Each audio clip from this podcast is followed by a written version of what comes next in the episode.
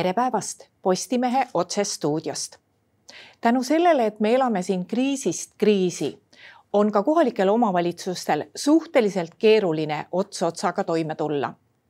Tallinna linnal on ehk tänu rikastele maksumaksjatele mõneti lihtsam aga meil on stuudios Tallinna linnapea Mihhail Kõlvart, tere päevast. tere päevast. no linnavalitsuse majas on nüüd järgmise aasta riigieelarve tulud ja kulud kokku liidetud ja saadud ka ilusasti see tulem ehk siis Tallinna linna eelarve, järgmise aasta eelarve on volikogu poole teele saadetud. kuidas Tallinnal praegu on, et kui esmapilgul peale vaadata, siis tulud ju ikkagi laekuvad, samas ega kulutused ei ole väiksed. Kui keeruline on pealinna olukord? Tallinnal on samad probleemid, energiakriis ja inflatsioon. aga teil on õigus, et ma arvan, et järgmisel aastal Tallinna linn kindlasti saab hakkama, mida ei saa öelda teiste omavalitsuste kohta. et äh, paljud omavalitsused praegu seisavad äh, raskete valikute ees, äh, mida panna kinni, kas muuseumit või tänavavalgustust siis välja lülitada mõneks ajaks et äh, tänaseks on reaalsus, sest äh, ühest küljest äh, riigi poolt on vastu võetud positiivsed otsused, õpetajate palgatõus, ähm, mis kindlasti oli kaua oodatud, aga see omakorda mõjutab ka omavalitsusi. lasteaiaõpetajate palgatõus, mida kõik ootavad. Aga paralleelselt omavalitsustel on ju teised mured energiakriis, inflatsioon, kõik hinnad kasvavad, ehitushinnad kasvavad, kuidas sellega hakkama saada ja veel ka palka inimestele tõsta, sest riik ju appi ei tule. Mm, Tallinn jät-, jällegi saab sellega hakkama, lasteaiaõpetajate palgatõus tuleb Tallinnas juba veebruarist, aga ma tean, et paljudele teistele omavalitsustele see on äh, väga suur probleem ja väga suur küsimus no riigi seisukohalt on kõige valusam see, kui riigieelarvet tehti, et väga palju jooksvaid kulutusi tehakse laenuraha eest ja laenuraha läheb meil teatavasti järjest kallimaks. kuidas Tallinnal on praegu, et kas Tallinn saab hakkama oma tuludega või te peate ka elamiseks juurde laenama? Äh, tegevuskulude katteks äh, me leiame seitsekümmend protsenti linnakassas siis äh, umbes äh, kümme protsenti suudavad teenida meie asutused ja umbes kaheksateist protsenti tuleb toetusena linnakassasse. laenu me tegevuskulude katteks ei võta. aga samas meie laenukoormus järgmiseks aastaks tõuseb, aga eelkõige selleks, et investeeringu, investeeringute vajadust katta ja järgmisel aastal meil on plaanis võtta laenu umbes üheksakümmend miljonit. ja kui me seda võtame välja sajaprotsendiliselt, ei olnud, ei olnud ühtegi aasta, millal me sajaprotsendiliselt seda laenu, mida me oleme planeerinud välja võtnud, aga sel juhul järgmisel aastal meie laenukoormus oleks äh, kolmkümmend protsenti äh, tegevustuludest. Äh, tuletan meelde, et seaduse järgi saab see lagi olla kuuskümmend protsenti, isegi mõneks aastaks on lubatud riigi poolt äh, kaheksakümmend protsenti. ehk siis meie laenukoormus on äh, jätkuvalt madal ja see on see ressurss, mida me saame ka jätkuvalt kasutada. ja vaatamata sellele, et tõepoolest järgmisel aastal meie tegevuskulud kasvavad umbes kuus-seitse protsenti. meil on olemas selleks kogutud reserv, olid head ajad aga meil oli alati äh, konservatiivne finantspoliitika ja on olemas reservid, mida saab äh, praegu käivitada või käiku lasta. aga ka järgmiseks aastaks äh, meil on plaanis hoida reservi vähemalt viiskümmend, kuuskümmend miljonit, pluss veel eraldi miljon on mõeldud selleks, et olla valmis erinevateks kriisideks. noh, on ka sellised strateegilised plaanid, et me otsustasime, et oleks vaja äh, luua äh, toidureservi Tallinnas, toiduvaru. me ei tea, missugused kriisid meid võivad oodata, aga ka juhul, kui tekib vajadus ja vajadused võivad olla erineva, erinevad, mingi katastroof, sõjategevus, et olla valmis ka massilisteks evakutsiooniks. et noh, sellised asjad nagu generaatorid, tekid ja, ja nii edasi, ka, ka, ka seda me tahame juurde osta. ehk siis püüame mõelda nii strateegiliselt kui ka operatiivselt ja samas me ei loobu ka investeeringutest. küll investeeringute maht väheneb. eelmisel aastal see oli kakssada kuuskümmend viis miljonit eelarve vastuvõtu ajal, praegu on kaks, kakssada kaheksa miljonit. Aga samas see maht on jätkuvalt suur ja tegelikult me hakkame jälgima olukorda ja kui hinnad lähevad alla, siis me oleme valmis ka investeerima rohkem. Investeeringute koha pealt, et kas te olete mõnede objektide puhul ka nagu tõmmanud pidurit, et vot seda me ei tee, oli küll kavandatud, aga ei tee, vaatame, kuidas on. Ja me ei ole loobunud äh, objektidest, aga näiteks sel aastal äh, suurem osa hangetest, mis olid äh, planeeritud aasta lõpuks, me otsustasime, otsustasime välja kuulutada aasta alguses, et vaatame, kuidas turg reageerib. juba praegu on näha, et, et hinnad võib-olla ei lähe veel alla, aga turg stabiliseerub. pakkujaid on palju rohkem, kui me hankeid kuulutame välja et on mingi lootus, et äh, hinnad lähevad alla. Ja veel ükskord, kui nad lähevad alla, äh, siis me oleme valmis ka rohkem investeerima, see on ka meie signaal äh, turule, juhul kui hinnad lähevad ülesse, siis me oleme valmis ka veel rohkem tagasi tõmbama, et sel aastal ehk siis järgmiseks aastaks meie prioriteediks on inimesed. me suurendame toetuste mahtu kas on äh, siis äh, niinimetatud äh, Tallinna pensionilisa sünnipäevaks, seda me suurendame, oli sada viiskümmend, järgmisel aastal on sada seitsekümmend viis. me suurendame õpilaste toetust, oli viiskümmend, järgmisel aastal on seitsekümmend viis. ja mis minu arvates on ka väga oluline, me mm, tõstame koolilõuna ja lasteaeda toitlustamise toetust noh, et koolilõuna äh, maht järgmise aasta eelarves on äh, umbes viisteist miljonit, et me linna toetust äh, õppeaasta jooksul kasvatame umbes kolmkümmend neli protsenti. Ja lasteaia toitlustamise toetus üldmaht on umbes kümme miljonit ja see tähendab, et me peaaegu viiskümmend protsenti anname juurde järgmisel aastal. Ja äh, minu arvates see on ka äh, sotsiaaltoetusmeede, arvestades seda üldist olukorda, toiduainete komponente, äh, selle hind kasvab ja noh, ka varem oli nii, et mõned lapsed said korralikult süüa ainult koolis, aga praegu me näeme, kuidas see vajadus tegelikult suureneb. ja see on ka üks väga selline sümboolne, samas väga valus küsimus paljude omavalitsuste puhul kes tegelikult peavad seda raha küsima vanemate käest, et Tallinnas seda ei, ei toimu, ei tule, me jätkuvalt maksame ise ja panustame veel rohkem. aga ma tean, et terve rida omavalitsusi peavad äh, rohkem küsima raha äh, vanemate käest ja seda olukorras, kui tegelikult äh, inimeste käes seda raha jääb inflatsiooni tõttu palju vähem kui varem Eh, kas mõni objekt, mis on juba pooleli või mis oli plaanis ehitada, jääb kas siis pooleli või jääb ehitamata ka? Ei no seda kindlasti ei tule, seal, kus see ehitus algas, näiteks eh, noh, võib-olla kõige suurem äh, äh, projekt järgmiseks aastaks, mida tuleb lõpuni viia, on Linnateater. et noh, nii palju on sellest räägitud, nii palju me oleme sellega tegelenud, ehitus käib ja loomulikult järgmisel aastal me leiame vahendeid, et Eh, ehitus eh, eh, läheks edasi. et sinna raha me kindlasti eraldame. Noh, me alustasime IE pronksi tänava remondiga, üks suurematest objektidest, tänavaobjektidest eelarves loomulikult viime lõpuni. alustame järgmisel aastal ja Peterburi maanteega, et kõigepealt projekteerimine lõpuni, aga ma arvan, et me jõuame ka juba lõppude lõpuks ka ehitamisega alustada.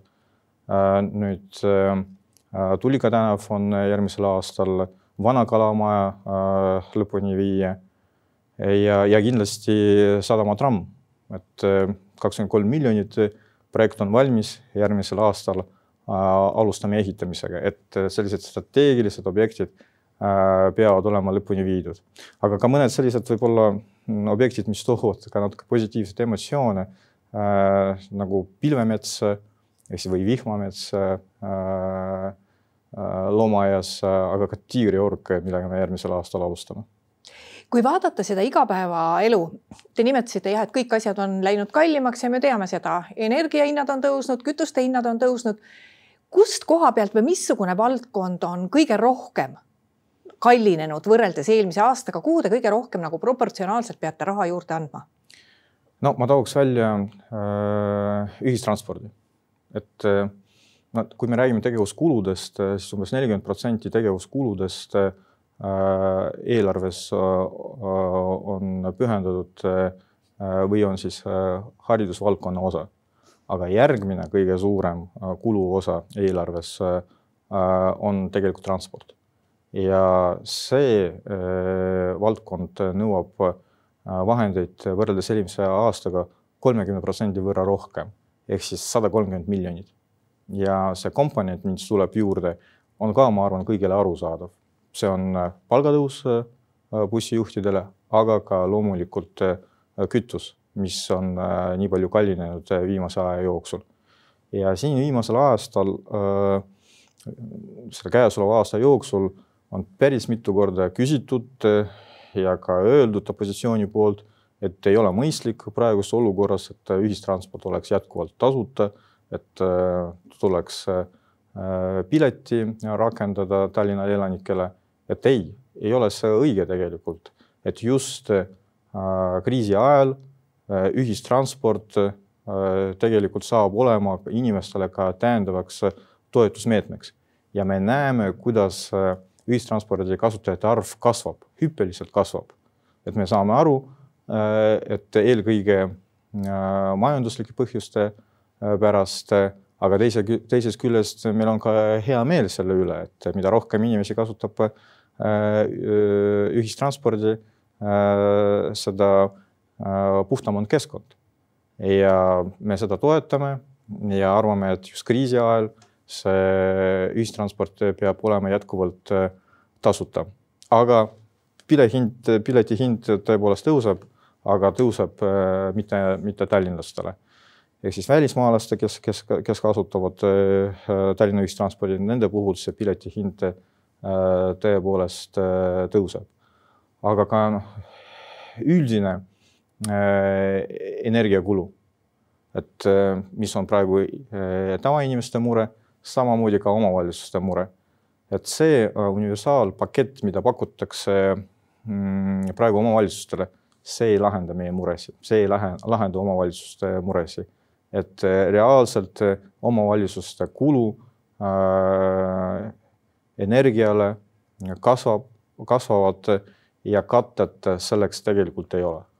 no riik on oma riigimajast nii-öelda temperatuuri alla tõmmanud, kuidas teil linnavalitsuse majas on, et kas te ikka kütate seda ja et kas inimesed töötavad seal ka ütleme sellises kriisitemperatuuris või töötavad normaalses temperatuuris?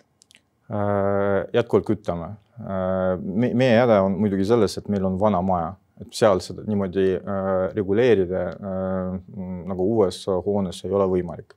aga meil on vastu võetud äh, kokkuhoiuplaan äh,. me äh,, see teema on äh, regulaarselt äh, linnavalitsuse laua peal. jutt ei ole, ei ole ainult küttest, vaid ka elektrist. see puudutab nii investeeringuid kui ka igapäevast tegevust. no meil on näiteks suurem investeering on umbes kaheksa-üheksa miljonit äh, mis on mõeldud selleks, et tänavavalgustust kiiremini üle viia LED-ile. et noh, see on selline tõepoolest suurema efektiga investeering. aga kõikvõimalikud väiksed investeeringud, mis puudutavad küttesüsteemi või siis ühe või teise hoone puhul, see on ka käivitatud, pluss on tehtud praegu välja töötatud koolitussüsteem kuidas iga asutus äh, saab äh, täiendavalt raha kokku hoida. pluss siis me otsustasime ka, et järgmisel aastal kõik linnaasutused peavad äh, raha kokku hoidma kuni kümme protsenti majanduskuludest. et see tähendab, et me loodame, et tänu sellele me saame kuus-seitse miljonit kokku hoida no ma saan aru, et tänavavalgustuslambid jäävad Tallinnas siiski põlema, et pimendamiseks ei lähe äh,. Sellist plaani ei ole, me oleme seda ka läbi mõelnud, noh, keegi ei tea, mis meid võib oodata, et ka neid halvemaid stsenaariume tuleb läbi mõelda, me oleme selle peale mõelnud. et äh, selline äh, valguspostide väljalülitamine üle ühe kindlasti ei ole mõistlik.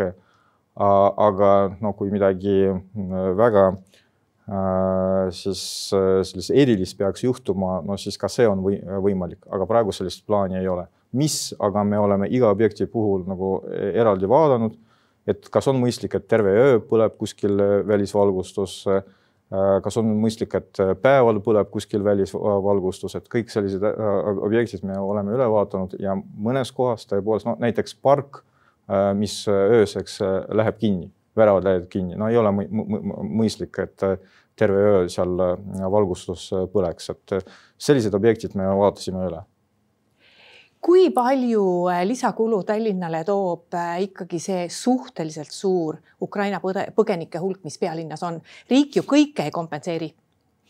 no äh, tänaseks me lähtume sellest, et Eestis on kuni kuuskümmend protsenti, kuni kuuskümmend tuhat inimest saabunud Ukrainast, et ametlikult umbes pool on Tallinnas. tegelikult ma arvan, kolm neljandikku on Tallinnas, ainult Tallinna haridusasutustes on umbes äh, kolm tuhat last.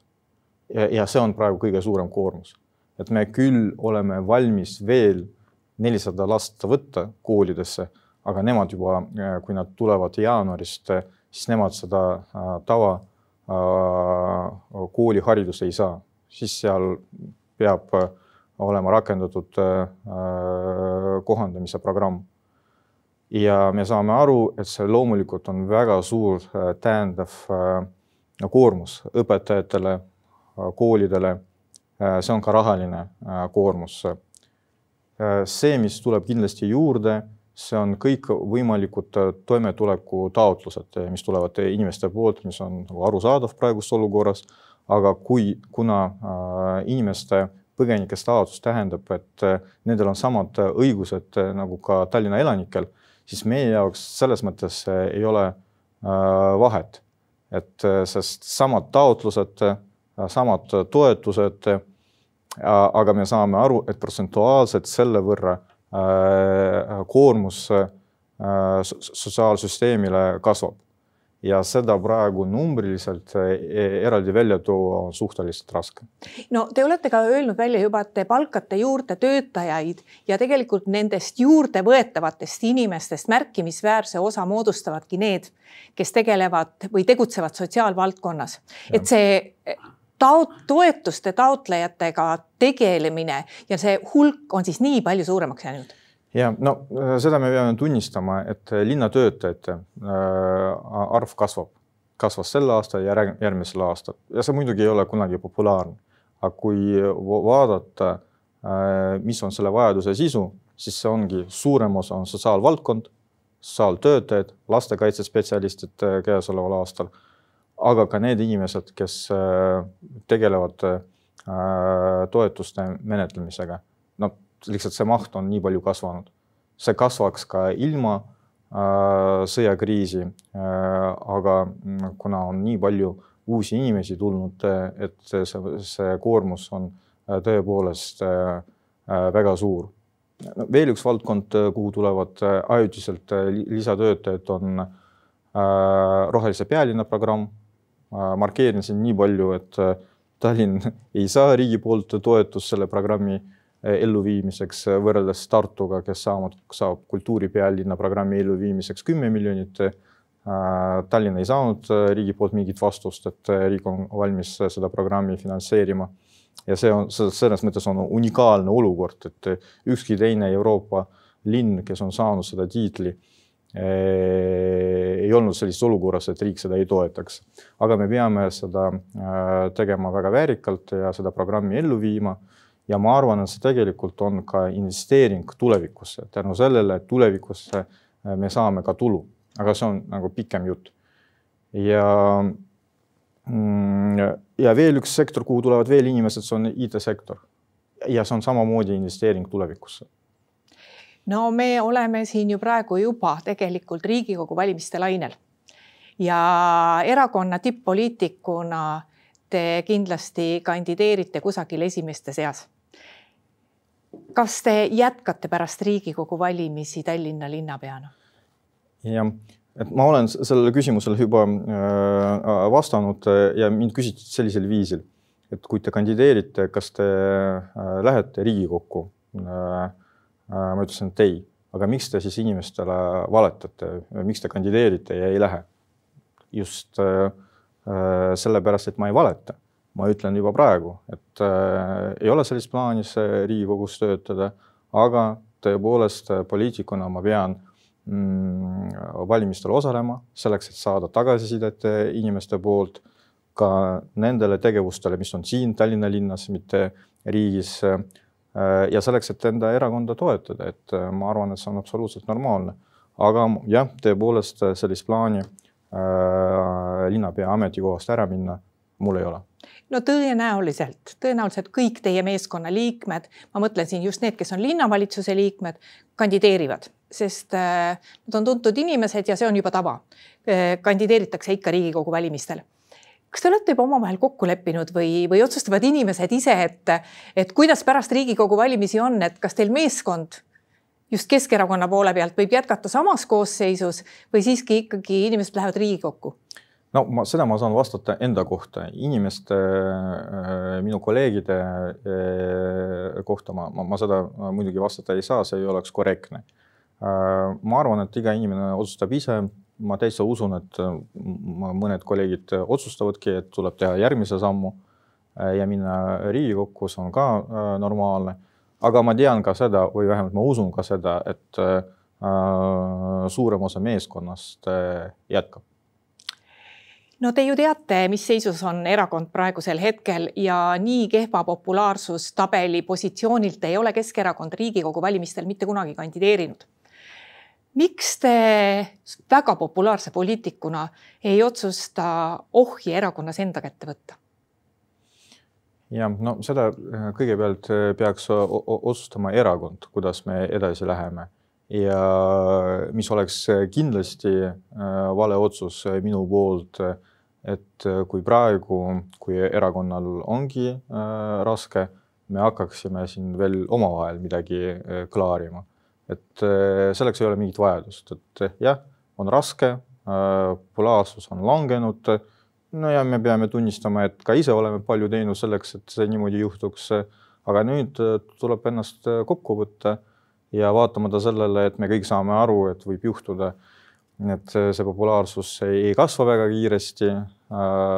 tuleb ikkagi valimistel osaleda.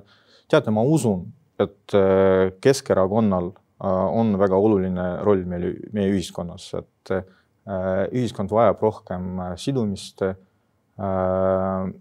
ei taha kasutada seda sõna integratsiooni, ma räägin nagu laiemas plaanis, erinevad sotsiaalgrupid, erinevad piirkonnad. me vajame rohkem ühtsust ja sidumist ja Keskerakonnal on, on see roll. teine asi kas me suudame alati selle rolliga hakkama, kas äh, inimesed saavad äh, seda aru, kas nad võtavad seda vastu. siin on väga palju küsimusi, aga selline roll on vajalik ja sellepärast äh, ma kavatsen valimistel osaleda ja enda erakonda nagu toetada. no ma saan aru, et enne valimisi ei juhtu midagi. erakond saab oma otsused teha pärast seda, kui valimistulemused on käes ja kui valimistulemused Äh, on tõesti kehvad, siis tõenäoliselt ei ole ju mõistlik samamoodi edasi minna. see ei puuduta ainult Keskerakonda, kõik erakonnad alati teevad uusi otsuseid pärast seda, kui läheb väga kehvasti noh, jah, äh, siin pole midagi teha, et tõepoolest valimised on selline väga tähtis äh, verstapost, et kõik hakkavad otsustama. Tallinnas mõned poliitikud otsustavad, kas nad soovivad jätkata riigi tasandil või jäävad Äh, linnavalitsuse süsteemis, erakonnas hakatakse mõtlema, kuidas edasi jätta, ka teistes erakonnades hakatakse mõtlema. väga palju hakkab sõltuma sellest, äh, missugune koalitsioon tekib äh, peale valimisi. no siin on nii palju küsimusi ja spekulatsiooniks nii palju võimalusi, et ma arvan, et seda väga palju detailiseerida praegu keegi ei suuda nii et ei taha öelda, millal on see päev, kui Mihhail Kõlvart kandideerib erakonna juhiks? no see ei ole esimene kord, kui mind äh, küsitakse seda, et mina ikkagi lähtun sellest, et meil esiteks erakonnas on ka teisi inimesi, äh, kes äh, võivad kandideerida. Teiseks, meil on jätkuvalt olemas erakonna esimees. mina lähtun sellest, et meil on tugev erakonna esimees, kellel on ka isiklik populaarsus ja praegu me kõik koos peame olema valimisteks valmis. aitäh, Mihhail Kõlvalt tulemast saatesse. aitäh aitäh ka kõigile neile, kes meid vaatasid. nii palju veel, et Postimehe järgmine otsesaade on eetris juba homme. seniks lugege uudiseid postimees.ee